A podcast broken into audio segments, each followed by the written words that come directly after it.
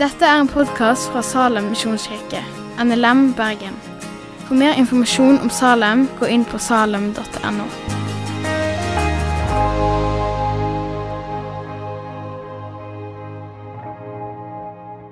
Jeg gleder meg veldig til dette semesteret her sammen med dere i Salem. Jeg gleder meg veldig til å være sammen. Jeg gleder meg til å bygge kirke sammen med dere. Jeg gleder meg til å se hva Gud har for oss. Jeg tror Gud har, eh, tror Gud har noe for oss det semesteret her. Og jeg gleder meg til å se hva det er. Jeg tror Gud kan bruke oss. Jeg tror Gud kan bruke oss til å bety en forskjell for menneskene rundt oss. Bruke oss til å bety en forskjell for våre studiekamerater og venninner, våre kollegaer, våre naboer, de vi bor med, de vi trener med, kanskje for noen av dere. De vi treffer ofte, og de vi kanskje bare treffer én gang. Jeg tror Gud kan bruke oss til noe av dette semesteret. her. Jeg tror Gud kan bruke deg til det. Jeg håper du gjør det samme. Jeg håper du tror det òg. Jeg er spent på å se hva det er. Og så, som sagt, eller som ble sagt her, så har vi jo tråkka inn i et nytt år. Og vi er jo mange av oss, eh, jeg er enig med Åshild, nye ting, nye starter, det, det trigger meg òg. Kanskje ikke akkurat det å liksom lage den nye, fine notatboken. Det er kanskje ikke helt, uh, Men det er motiverende å begynne på en ny notatbok. Men jeg tror, jeg, jeg tror, aldri jeg har hatt det målet av at i denne notatboken skal jeg bare skrive fint. Det tror jeg hadde, det tror jeg hadde røket ved første bokstav. Men jeg også syns det er spennende med nye ting. da. Og uh, En veldig vanlig ny ting som folk holder på med ved et nytt år, det er jo nyttårsforsett. Ja, nyttårsforsett. Er det noen av dere som har et nyttårsforsett? Kan jeg få se en hånd hvis du har et nyttårsforsett? Ett eller flere? Noen? Noen? Ja, noen som har et nyttårsforsett. Jeg, eh, jeg, har ett nyttårsforsett i år. Det er at Jeg har lyst til å prøve å lese gjennom hele Bibelen i løpet av dette året. her. Jeg har prøvd noen ganger før. Det gikk veldig dårlig. Da kom jeg liksom, holdt jeg på i to år. Kom gjennom jeg vet ikke, en tredjedel av leseplanen. eller noe sånt. Det gikk dårlig. Men nå skal jeg prøve på nytt, så vi får se hvor, eh, hvordan det går. Men jeg har uansett veldig tro på konseptet.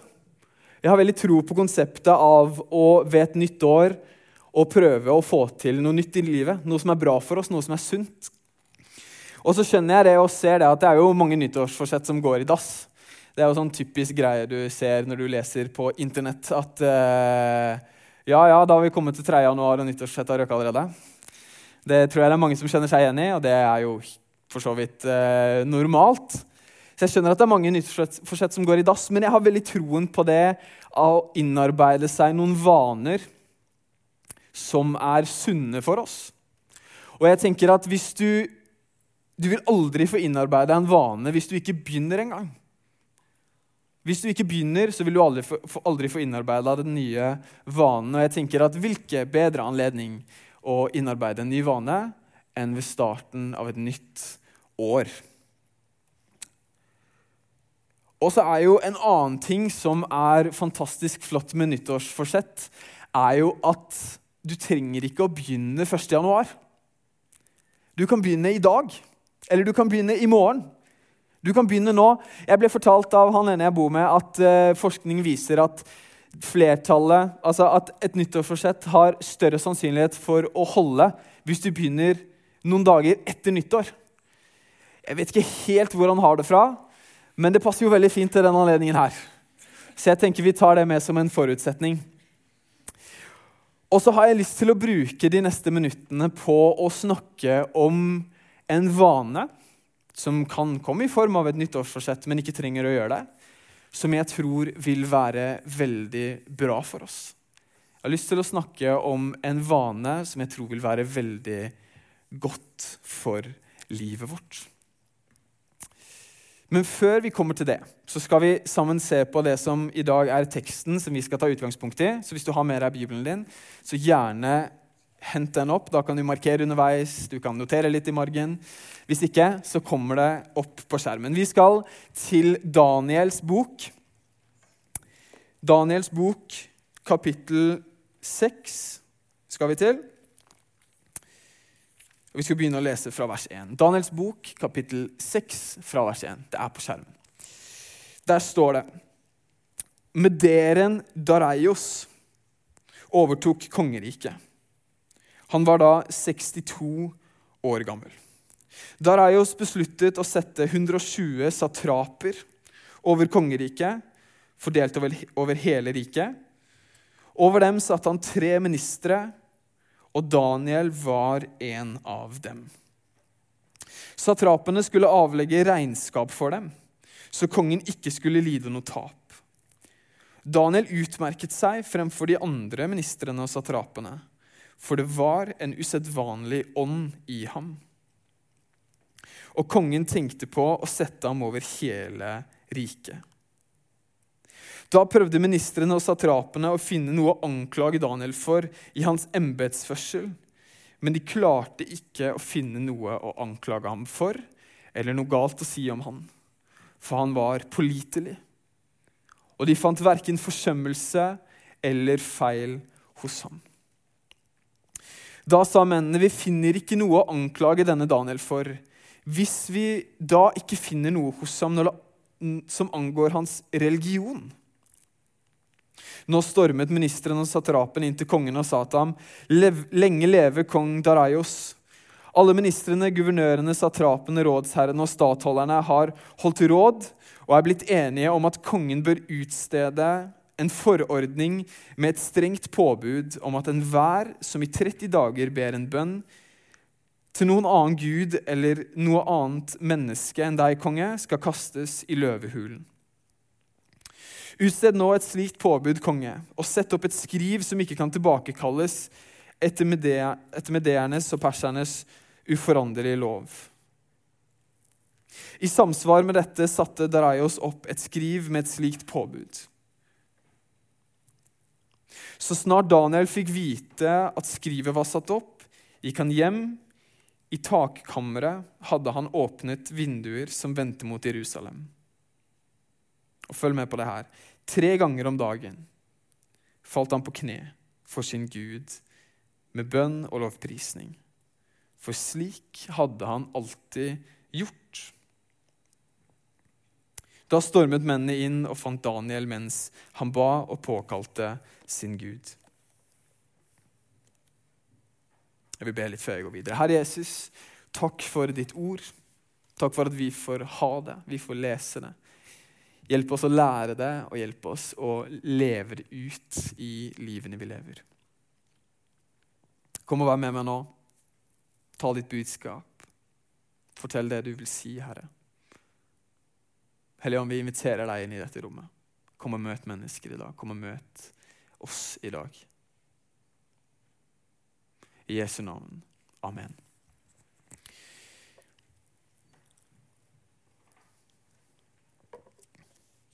For de av dere som er litt eh, kanskje, For de av dere som har sett litt videre i Bibelen deres, så er jo dette begynnelsen på en veldig kjent historie i Bibelen. Som i hvert fall jeg har fått lov til å eh, se på flanellografen i, gjennom søndagsskolen. Eh, og det er jo Daniel i løvehulen. For det som skjer videre i denne historien, er at eh, disse ministrene og satrapene, hva enn det er for noe, de, eh, de, tar Daniel med seg til kongen og så sier de at Daniel har brutt den loven som du satte opp. Han ba til sin gud og lovpriste han. Men kongen, eh, kongen vil jo ikke kaste han i løvehulen, for kongen liker jo Daniel. Men han blir tvunget til det fordi han har satt opp denne loven. Daniel blir kasta i løvehulen. Gud tar vare på han, beskytter han gjennom natten i løvehulen. Om morgenen så kommer kong Daraios og tar Daniel ut av løvehulen. Og de fortsetter å holde på å si 'leve lykkelig alle sine dager'. Det tror jeg ikke er helt riktig. Men historien går videre. da. Og det som har skjedd fram til dette punktet, det er jo at, eh, eller det som vi ser i denne teksten, det er jo at Daniel og israelsfolket de er i eksil i Babylon. De har vært det i mange år, og mest sannsynlig så var Daniel i Vi tror at Daniel var i sånn 13-14-15-årsalderen når eh, han ble henta fra Jerusalem til Babylon. Han var en ung gutt. Og han, det vi ser i denne teksten, da, det er at Daniel har Det har skjedd mange store ting rundt Daniel og rundt vennene hans. Og Daniel han har brukt denne tiden i livet sitt fram til dette punktet på å innarbeide seg en vane av å bruke tid med Gud. Det står i vers 11 du kan gjerne ta det opp igjen, det, det, vers 11 så står det at eh, tre ganger for dagen så satte han seg på kne på rommet sitt eller på takrommet sitt og brukte tid med Gud i bønn og i lovprisning. Tre ganger for dagen, som han hadde vane for. Så han har innarbeida seg denne vanen. Og etter alt vi kan forstå i det vi leser, så gjør han det hver dag. Og så ser vi i vers 5 at når de andre ministrene og satrapene, altså hans kollegaer, som også er tjenere for kongen, som har fått masse ansvar Når de, de ønsker å ta han på noe. De liker ikke den innflytelsen han får, de liker ikke den makten han får. Og de liker ikke det at kongen liker ham. Så de har lyst til å ta han på noe. Og vi ser i vers 5 det at de finner ingenting å ta han på. De finner ingenting galt å si om han, de finner ingenting de kan anklage han for. De finner ikke, de finner ikke noe galt ved han. Som de kan gå til kongen og si 'Se hva Daniel gjør'. Fjern han. De finner ikke noe. Og så står det faktisk, og det syns jeg er vanvittig spennende, det som står i vers 4. Der står det 'Det var en usedvanlig ånd over ham'. Det var en usedvanlig ånd over Daniel.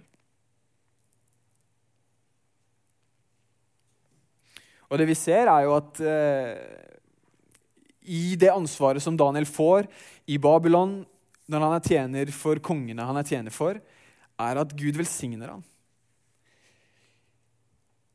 Gud velsigner han i alt han gjør. Han er flink til det han gjør. Han tar ansvar, og han lever ut det ansvaret. Han er flink, og han får mer ansvar. Han får innflytelse. Han får makt. Og han er godt likt av de kongene han tjener. Det står jo i det, det, vi leser i dag, så står det at kongen tenkte på å sette han over hele riket. Sette han til å regjere i kongens sted over hele riket. Og jeg tror det er naturlig for oss å sette en link mellom Daniel sine vaner for å bruke tid med Gud, og det livet han lever. Som vi ser, er på et sånt nivå at de som er ute etter å ta han, de finner ingenting galt å si om han. Og det sier mye, da. Jeg tenker for min egen del at Hvis det er noen som er ute etter å ta meg, hvis det er noen som er ute etter å finne noe i livet mitt som de kan anklage meg for, eller som de kan si at 'dette her er ikke bra', dette er ikke bra nok, så tror jeg de hadde funnet det. Men vi leser om Daniel at de som gjør dette, de som prøver å finne noe galt å si om han, de finner ingenting galt å si om han. De finner ingenting å anklage han for. På en annen måte så kan vi si at det Daniel fyller seg med, det han bruker tiden sin på, det han fyller seg med, denne vanen han har, det kommer til syne i resten av livet han lever. Det kommer til syne i alt han gjør. Og så tror jeg det er sannsynlig å tenke at Daniel har lest det som David skrev i Salme 1 helt i begynnelsen av salmene, salme 1, fra vers 1, så står det Salig er den som ikke følger ugudelige menneskers råd, og ikke slår inn på synderes vei eller sitter sammen med spottere, men har sin glede i Herrens lov og grunner på den dag og natt.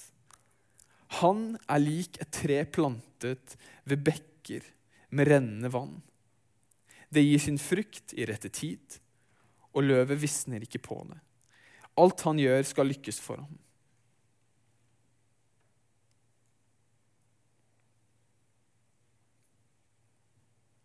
Daniel hadde sin glede i Gud. Han hadde en vane for å bruke tid med han. Han ville søke råd hos Gud, ikke hos ugudelige mennesker. Han søkte råd hos Gud. Han hadde sin glede hos Gud. Og vi ser at Daniel lever i det. Det er ikke bare hans relasjonen med Gud er ikke bare isolert til disse tre gangene for dagen hvor han bruker tid med han alene. Men jeg tror at vi kan se at det skinner gjennom i alt annet. Det påvirker hele livet hans. Det påvirker alt han er, alt han gjør. Det gir han karakter. Hans relasjon, til Gud var ikke isolert til disse tre gangene for dagen, men det skinner gjennom. Det påvirker han. Gud former han. Som sagt, det står at han hadde en usedvanlig ånd.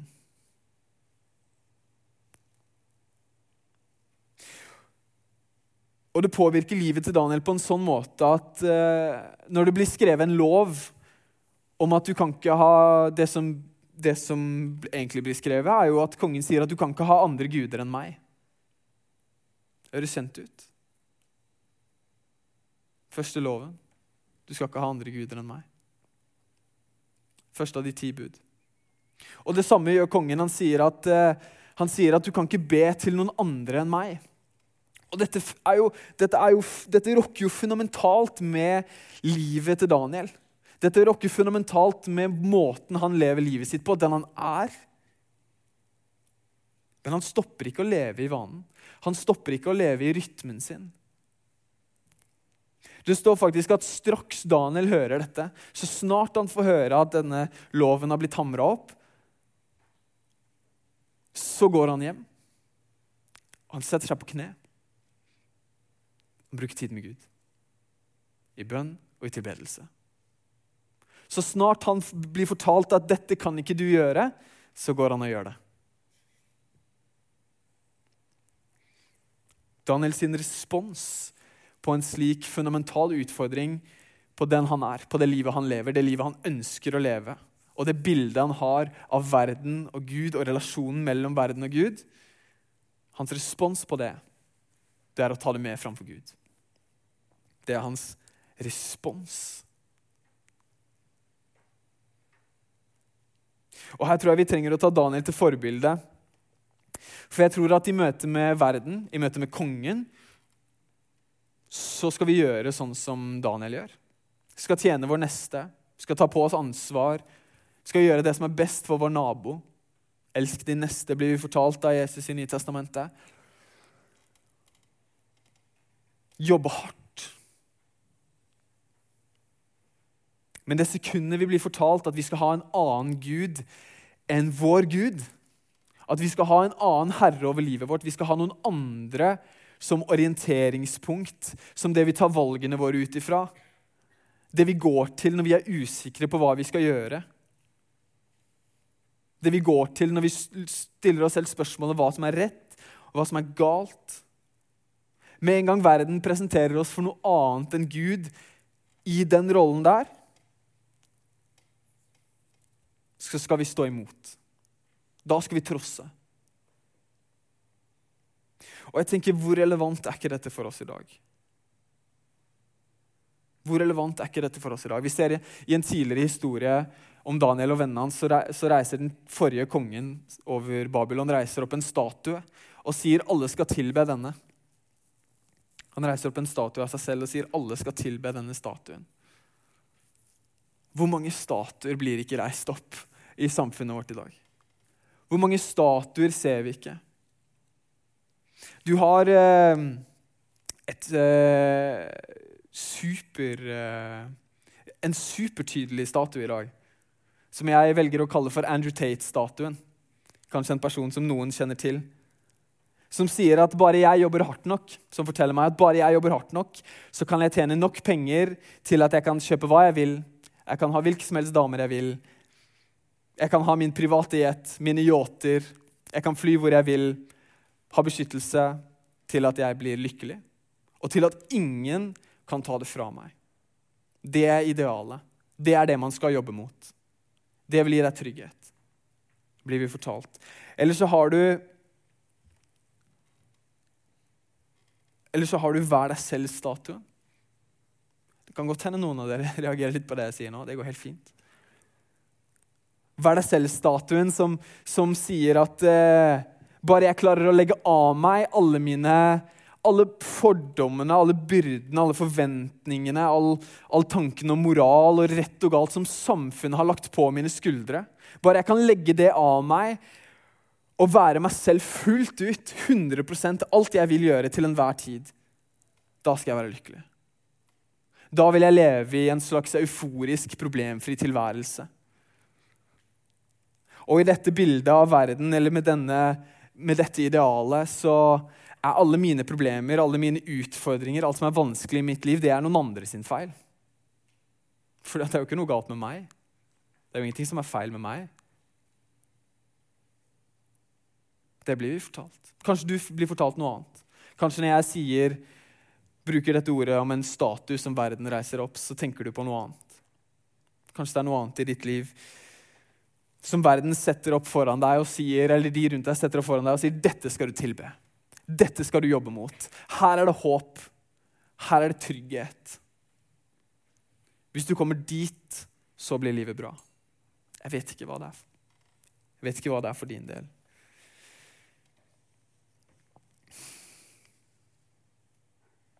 Men nei. Jeg tror ikke det fins noe håp i noe av dette. Det vi lærer i denne boken, her er at det fins ikke noe håp i noe av det. Det finnes bare håp ett sted. Det finnes bare liv, det finnes bare trygghet, det finnes bare fred ett sted. Og det er hos Gud. Han som har skapt deg, han som har ønsket deg. Der finnes håpet. Der finnes livet. Der finnes fred. Det er det vi lærer her. Og Derfor trenger vi å gjøre som Daniel gjør. Vi trenger, når rivet rokker, når noe fundamentalt blir plassert foran oss som rokker med alt vi som utfordrer alt vi er og alt vi gjør, så trenger vi å søke Han. Vi trenger å gå til Han. Både da men vi trenger å ha en vane for å hver dag bruke tid med Gud. La han få være orienteringspunktet, la han få være herre. La han få være den vi tar valgene våre ut ifra. La han få være der vi finner håp, der vi finner liv, der vi finner fred. Mm.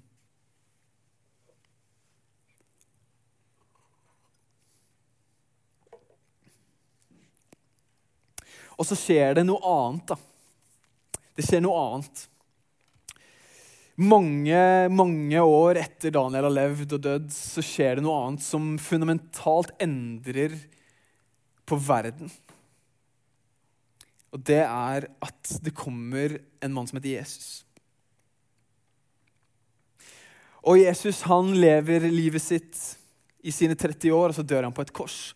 Og så kan vi lese i, i Matteus, kapittel 27, fra vers 50, så kan vi lese om hva som skjer når Jesus dør. Fra vers 50 står det men Jesus ropte igjen med høy røst og oppgav ånden. Altså Jesus dør. Hør hva som skjer når Jesus dør. Dette er, når jeg leste dette når jeg jobba, så det var helt vanvittig. Det står da revnet forhenget i tempelet i to, fra øverst til nederst. Jorden skalv, og klippene slo sprekker. Gravene åpnet seg, og mange hellige som var døde, sto legemlig opp. Etter Jesu oppstandelse gikk de ut av gravene og inn i, by, inn i den hellige by, hvor de viste seg for mange. For noen scener som finner sted når Jesus dør. Tenk å ha opplevd det. Tenk å stå der og se Jesus som henger på korset. Han roper, han dør, og jorden rister. Det sprekker i fjellet rundt deg. Tenk å oppleve det.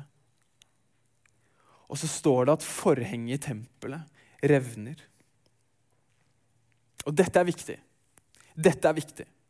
Forhenget i tempelet det var Tempelet var bygd opp og hadde et rom i seg som, het, som ble kalt for det aller helligste. Og mellom det aller helligste og resten av tempelet så var det et teppe som hang som et forheng. Og det aller helligste, det var I Gamle testamentet så er det det rommet hvor eh, altså paktkisten med de ti bud blir lagt, og andre hellige gjenstander, som Arons stav f.eks., ligger i det aller helligste. Og det som, det som er signifikant med det aller helligste, det er at det er der Guds nærvær er. I Gamle Testamentet så er det der Gud er med sitt nærvær. Der er Gud til stede med sitt nærvær. Og hvis noe menneske går inn der, så dør det. Det var bare ett menneske en gang i året som kunne gå inn i det aller helligste. Og det var, eh, det var ypperstepresten. Ypperstepresten kunne gå inn i det aller helligste på soningsdagen og ofre på vegne av seg selv, på vegne av familien sin og på vegne av folket. Men før han kunne gjøre det, så, eh, så måtte han gjennom en vanvittig prosess for å bli ren. Han måtte skilles fra familien sin for å bli, ikke bli uren gjennom dem. Han måtte eh, ta av seg sine vanlige klær, eller sine, preste, sine presteklær. Han måtte vaske seg foran folket, og han måtte ta på seg rein linklær for å kunne gå inn. Én mann en gang i året kunne gå inn og være i Guds nærvær.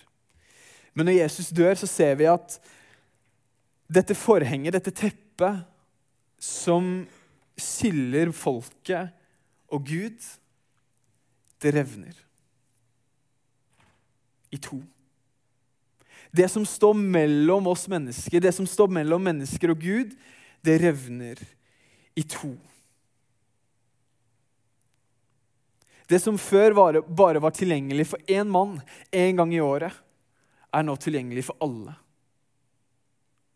Og ikke bare det, men, men, vi trenger ikke å gå inn i Guds nærvær. Vi trenger ikke å vaske oss rene, vi trenger ikke å gjøre oss rene for å gå inn til Gud, men han har kommet ut til oss.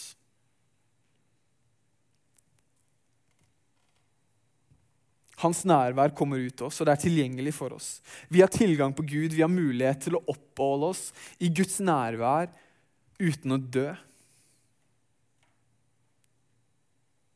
Og Når du leser i Gamle testamentet om de historiene man ser der, de opplevelsene folk har hatt med å se Gud, så er det helt utrolig. Vi kan være sammen med han, vi kan være i hans nærvær fordi han har vasket oss ren. Og så er det følgende spørsmålet av disse tingene vi ser at skjer. Det er hva gjør vi nå?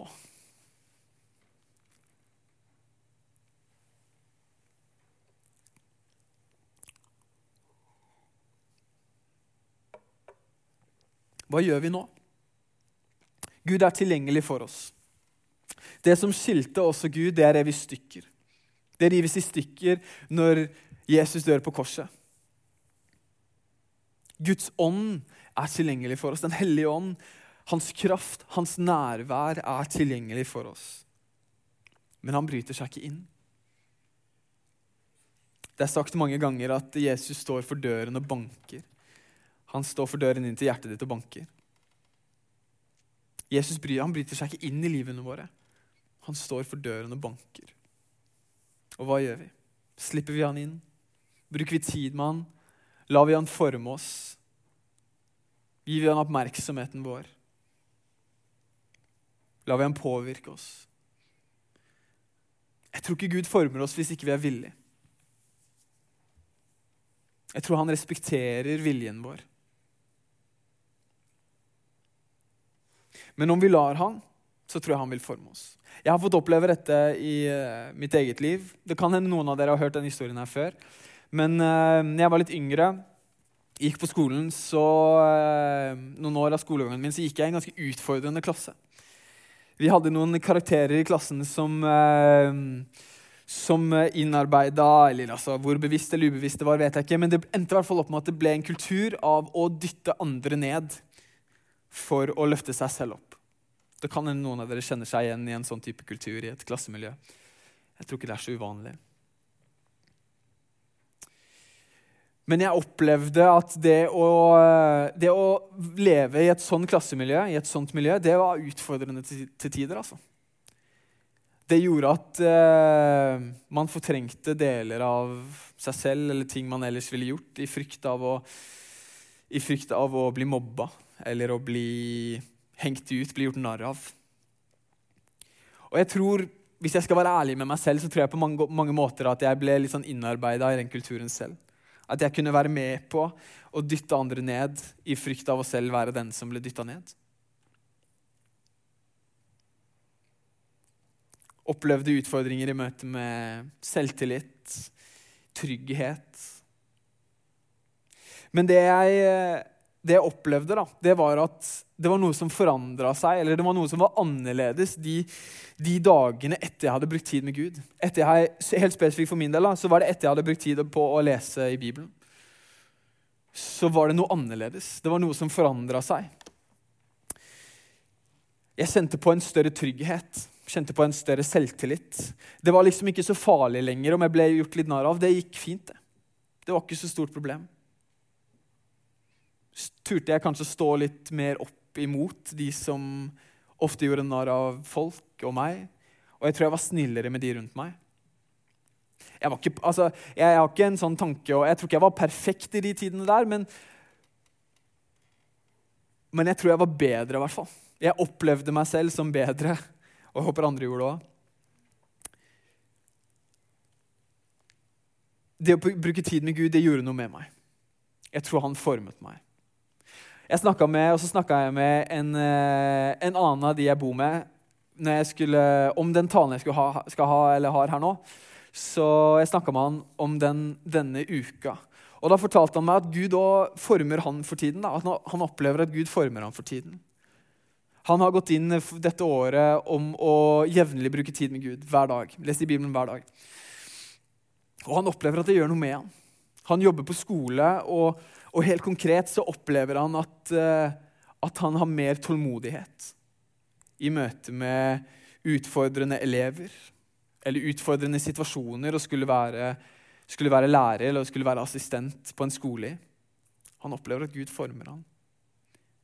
Og jeg tror han opplever det fordi han gir Gud plass i livet sitt. Gir han oppmerksomhet, gir han tid. Han slipper Gud til slipper han inn. Så tilbake til det spørsmålet som vi stilte i sted. Hva gjør vi nå? Eller en annen måte å stille det spørsmålet på det er Vil du la Gud forme deg? Vil du gi han plass i livet ditt? Vil du slippe han til? Hvis du vil det, så er min fremste oppfordring det er å finne en vane. Finne en, en, rytme som gjør at du bruker tid med Gud hver dag. En vane som du, kan, som du kan finne rom for i din hverdag av å bruke tid med Gud. Det står at Daniel brukte tid med Gud på kne, vendt mot Jerusalem, i bønn og i tilbedelse.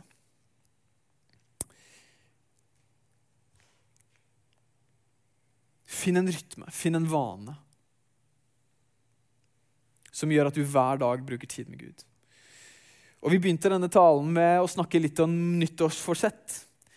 Og eh, Forskning viser at eh, et, et, for at et nyttårsforsett skal ha best mulig sannsynlighet for å lykkes, eller for å vare, så er det fire ting som det trenger å eh, være. Den første er at det trenger å være konkret. Det trenger å være realistisk. Det trenger å følge en plan. Og så må det holdes enkelt. Så det må være konkret. Altså, Hvis du skal ha en vane av å bruke tid med Gud, ikke bare ha eller et mål, et nyttårsforsett, ikke bare tenk at målet er nå skal jeg bruke mer tid med Gud. Vær konkret. Hvor mye tid? 20 minutter? 10 minutter? Kanskje for noen av dere så er det å begynne med fem minutter hver dag det som funker for dere. Og her er min oppfordring vær ærlig med deg selv. Begynn der du er. Begynn der du er. Finn det som funker for ditt liv nå, og jobb derfra. Og så er det alltid rom for forbedring. Om du nå har en vane for å bruke ti minutter, tenk gjennom hvordan kan jeg bruke 20. Hvis du har vane for å bruke 20, tenk gjennom hvordan kan jeg bruke 30, osv. Dere skjønner poenget. Nummer to, vær realistisk. Hvis du nå øh, tenker at øh, ok, jeg har ikke hatt en vane for å bruke tid med Gud nå, det har gått litt sånn i rykk og napp, skjer av og til, men nå, nå, skal jeg bruke, nå skal jeg lese Bibelen i tre timer hver dag.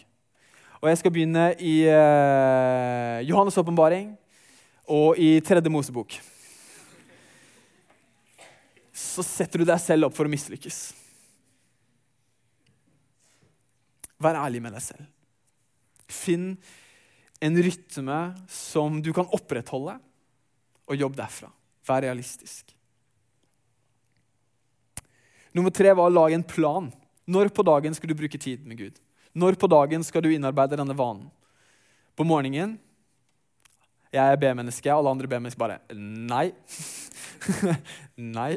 Det rekker så vidt å spise, dusje og rekke bussen. Som oftest, så kanskje ikke alt det engang. På kvelden før du legger deg, alle A-menneskene bare Nei. eh, klarer så vidt å finne senga på kvelden. Eh, etter skolen, etter, etter jobb, når du spiser middag, etter å ha spist middag Lag en plan. Når? Og hvis det kommer noe fram, der framme som vil bryte med dette, hvis du skal i praksis, hvis du skal på ferie, hvis det skjer noe i livet ditt som gjør at den rytmen ikke funker lenger, hva gjør du da? Lag en plan. Og nummer fire var hold det enkelt. Hold det enkelt. Ikke tenk at nå skal du begynne med å formulere de mest velformulerte bønnene eller lese de tyngste teologiske bøkene, eller tenke at nå skal jeg begynne med disse fra og med i morgen. Ok, Skriver ned i min, uh, i min notatbok på fin skrift. Uh, fra og med i morgen uh, søndag så skal jeg begynne med disse 20 vanene. Altså bare liksom én, to, tre Nei! Hold det enkelt. Hold det enkelt. Be, les i Bibelen, Vær stille med Gud. Nydelig sted å begynne. Eller bare be. Eller bare lese Bibelen. Hold det enkelt. Og så har jeg lyst til å legge til en. da. Eh, jeg vet ikke om han er forskningsbacka, men jeg tror den er smart. Vær tålmodig med deg selv. Vær tålmodig med deg selv. Hvis du setter deg et mål, du har en vane du har lyst til å gå inn i, og så feiler du en dag, ikke bank deg selv opp over det. Ta en dag av gangen. Det går fint. Ta neste dag. Og Et av de beste rådene jeg fikk i møte med det her, var det er hvis det går én dag, ikke la det gå to. Hvis det går én dag, ikke la det gå to. Vær tålmodig med deg selv. Og om du, ikke, du skal lese, om du ikke forstår noe av det du leser, det går fint. Fortsett å lese. Om du ikke møter Gud, om du ikke opplever at Gud er nær deg når du ber, det går fint. Fortsett å be. Om du kjeder deg når du skal sitte og være stille med Gud, tankene flyr Det er kjent. Det går fint. Fortsett å sette av tid til Gud. Vær tålmodig med deg selv. Så når du skal begynne med eller utvikle vanen din, lag en plan. Vær konkret. Vær realistisk. Hold det enkelt. Og vær tålmodig med deg selv.